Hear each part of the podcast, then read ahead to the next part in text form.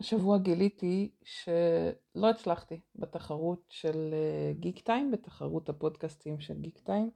לא הגעתי למקום ראשון או שני או שלישי בשתי הקטגוריות שעליתי בהן לגמר, אבל זה גרם לי ככה לעצור ולנסות לחשוב על כישלונות, על אי הצלחות. אם שיתפתי כל כך הרבה את זה שאני בתחרות, אז איך משתפים את זה שלא הצלחתי בתחרות, והאם בכלל לשתף. אז פרק חדש בפודקאסט גיוס למקצוע על כישלונות.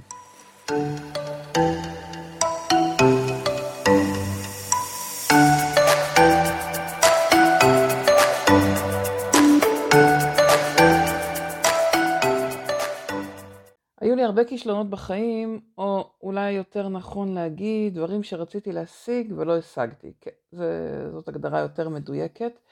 אני לא אוהבת לראות אותם ככישלונות, כי כשאני מסתכלת לאחור הם תמיד תמיד קידמו אותי קדימה, לקחו אותי קדימה. אבל אני חייבת להגיד שברגע הכישלון, או ברגע שקיבלתי הודעה, במקומות שזה היה ככה הודעה מבחוץ, התחושה הייתה קשה. לפעמים אני גם יודעת להגיד שדחיתי החלטה, החלטה שידעתי שתהיה כואבת, בגלל שזה הרגיש לי סוג של כישלון. ואני רוצה להקליט היום את הפרק אה, על כישלונות. אה, אפשר לקרוא לזה ברוח Failing Forward. אם קראתם, הספר אה, החשוב של ג'ון מקסוול, להיכשל קדימה, והוא מדבר על כישלונות כמדרגות להצלחה, stepping stones for success. אה, וזה ככה ה mindset, או זאת הדרך שבה אני אוהבת להסתכל על הכישלונות שלי. כמו שאמרתי בפתיחה, הטריגר השבוע היה כשגיליתי שלא עליתי לאחד משלושת המקומות הראשונים בתחרות של גיק טיים, בשתי הקטגוריות שהתחרתי בהם, אה, שהגעתי בהם לגמר. כלומר, הגעתי לעשירייה, שזה גם היה כבוד, אה, כמו שאומרים באוסקר, it's an honor just to be nominated וכל זה, אבל אני מודה, התבאסתי, התחשק לי לנצח, התחשק לי להגיד שאני פריצת השנה בפודקאסט אה, ל-2022. ואולי גם עיוור אותי, או ככה אה, הכניס אותי לאיזושהי אופוריה, אה, אופטימיות יתרה. זה שכל כך הרבה מכם כתבו לי, שהצביעו ועודדו אותי, ובאמת היה קשה לי לדעת אם יש או אין סיכוי. אה, לא הכרתי מספיק את התפוצה של שאר הפודקאסטים שהתחרתי מולם, אבל חיכיתי להודעה, וברגע שהיא יצאה הסתכלתי, ו... ראיתי שלא עליתי, לה, אה, לא ניצחתי נקרא לזה. אז אוקיי, עצרתי, נשמתי עמוק, אני ממשיכה הלאה. זה היה נחמד אם הייתי זוכה, אבל תכלס, מי שצריך לעקוב אחריי כנראה עוקב, קהילה יותר מצומצמת, קהילת הגיוס, ואם זכיתי או לא זכיתי, החלטתי שזה פחות משנה לי כרגע. אבל כן, הכישלון הזה עורר בי את הרצון לעשות משהו כדי שיותר אנשים יקימו, יכירו את הפודקאסט. אה, הקמתי קבוצת וואטסאפ חדשה ממש אה, אה, בימים האחרונים, כדי שאני אוכל דרכה לעדכן על דברים שהעליתי בפודקאסט, וכדי שיוכלו לכתוב לי תגובות, ושיוכל להיווצר שיח סביב הפודקאסט, ולא רק נקרא לזה שידור שלי לקהילה. ובמובן הזה, אז הכישלון הזה בעצם אה, מבחינתי הוא, הוא מדרגה להצלחה, משהו שהניע אותי להפוך את הפודקאסט לעוד יותר מדויק, מדויק, עוד יותר טוב, עוד יותר בעל ערך. לקהילה שלי, קהילת הגיוס.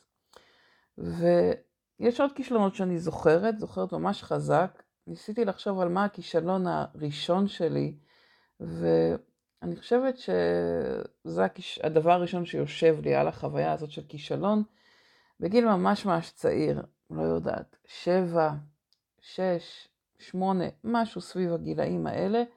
אה, ההורים שלי לקחו אותי לעשות מבחן איי-קיו. ואני זוכרת שהמראיינת במבחן שאלה אותי, מה זה תריסר? ולא ידעתי, עניתי לה שזה משהו שהוא הרבה.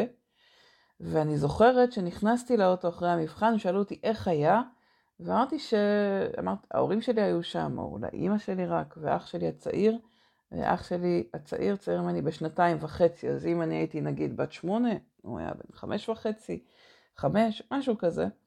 ושיתפתי שהייתה שאלה שלא ידעתי אה, לענות עליה, ואני זוכרת אותו אומר לי, תריסר זה 12, איך לא ידעת? והתחושה הזאת של הכישלון, שאחי הצעיר, הצ'ופצ'יק שעוד לא התחיל בית ספר, ידע משהו שאני לא ידעתי, הייתה כל כך צורבת. אני לא יודעת עד הסוף להגיד איך זה השפיע עליי, אבל עובדה שאני זוכרת את השיחה הזאת, ממש כאילו הייתה אתמול, אני זוכרת את האוטו שלנו ואיפה אני ישבתי ואיפה הוא ישב, ואני מאמינה שזה כנראה היה אחד הדברים שדחף אותי להיות uh, סוג של תולעת ספרים בגיל מאוד צעיר. תמיד תמיד תמיד היה לי דחף לקרוא וללמוד ולהבין יותר ולאגור אצלי בראש כמה שיותר מידע. Uh, עוד כמה כישלונות שמהדהדים בי עד היום. לא התקבלתי לתואר השני שרציתי. בסוף תואר ראשון בפסיכולוגיה אה, הייתי ככה, התחלתי להתנדב במרכז סיוע לנפגעות תקיפה מינית. הרגשתי שמצאתי את הייעוד שלי, את המקום שלי, רציתי ללמוד תואר שני שיעזור לי לעבוד עם נפגעות. נרשמתי לתואר שני בפסיכולוגיה שיקומית ועוד אחד, אני לא ממש זוכרת איזה תואר ספציפי זה היה, רק זוכרת שזה לא היה פסיכולוגיה קלינית. Uh, הלכתי, התראיינתי, נתתי באמת את כל כולי, אני זוכרת ששיתפתי חוויות אישיות, ולא התקבלתי לא לזה ולא לזה. ואז במקום זה הלכתי לעשות את התואר הכי קצר, שכאילו היה הכי רלוונטי לעולם הזה של נפגעות תקיפה מינית, עשיתי תואר בקרימינולוגיה, כל העבודות שלי בתואר התעסקו בעולם של ויקטימולוגיה, עולם של נפגעות תקיפה מינית. זה תואר שממש ממש לא נהניתי ממנו, אבל סיימתי אותו ויש לי תואר MA, זה בזמנו עזר לי להתקבל לאינטל, ומשם כמו שאומרים the rest is history, זה אחד הדברים הכי טובים שקרו לי. אה, מבחינתי, זה שלא התקבלתי לתואר שני, זה שלא הלכתי למסלול טיפולי של כמה שנים ופרקטיקום וכל המסלול הזה, אה, אלא הגעתי למסלול הייעוצי בתוך הארגון, בעולם של משאבי אנוש, שלא הכרתי לחלוטין קודם. המקפצה הזאת שאינטל הייתה בשבילי לחיים אחר כך כעצמאית, אה, באמת זה פרייסלס, זה משהו ש... זה מסלול שלא יכולתי לבחור לעצמי טוב יותר ממנו. אה, אני לא מתאימה להיות מטפלת, לעבוד באחד על אחד. המסלול שהלכתי אליו הוא הרבה הרבה הרבה יותר נכון בשבילי.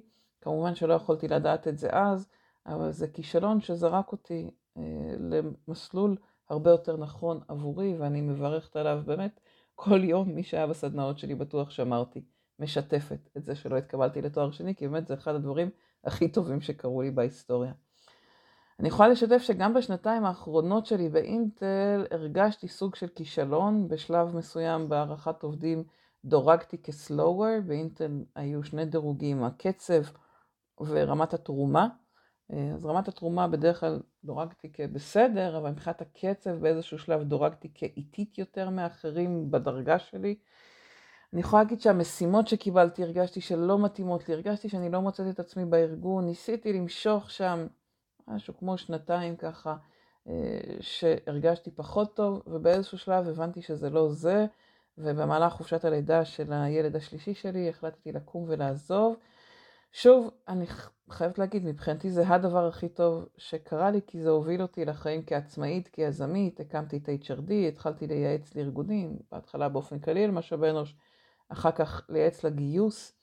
אה, גם המיקוד בייעוץ לגיוס היה אחרי הרגשה של כישלון בעסק, שהעסק היה תקוע, והתחלתי לחפש מי יעזור לי, מי יעזור לנו, אה, בזמנו לבנות את השיווק, לבנות את, ה, אה, את העסק יותר טוב מבחינה עסקית,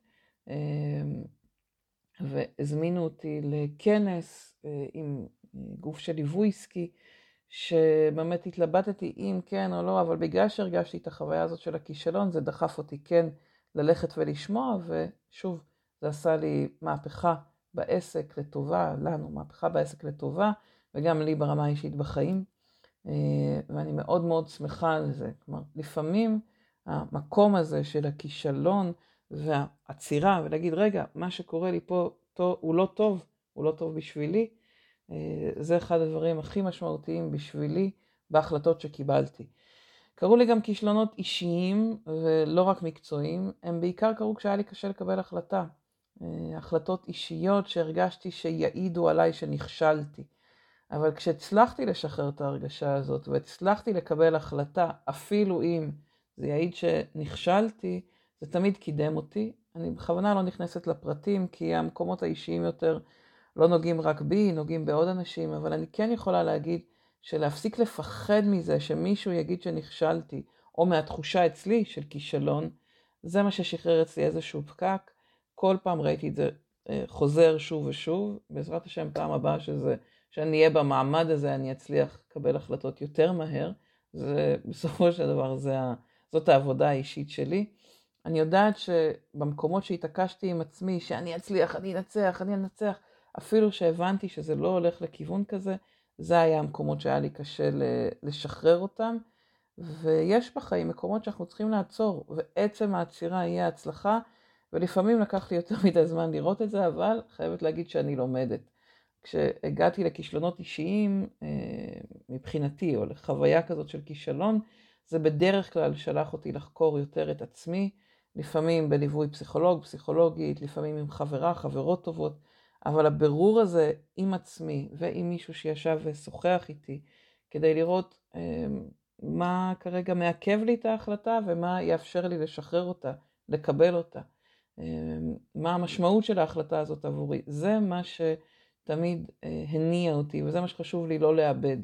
לא להשאיר את עצמי בבוץ, לא להשאיר את עצמי בבור כזה של תחושת כישלון, אלא רגע לעצור, רגע להבין אותה, ללמוד את עצמי, גם כשהתובנות לפעמים היו מאוד מאוד כואבות, חייבת להגיד, חטפתי לא מעט בעיטות מעצמי בדרך, ובעיטות כן, אה, נקרא לזה וירטואליות, או חוויה של מפלה, של בוץ על הפרצוף, אה, לפעמים מאוד מאוד כואב, ועדיין אה, עצם קבלת ההחלטה אפשרה לי לזוז קדימה.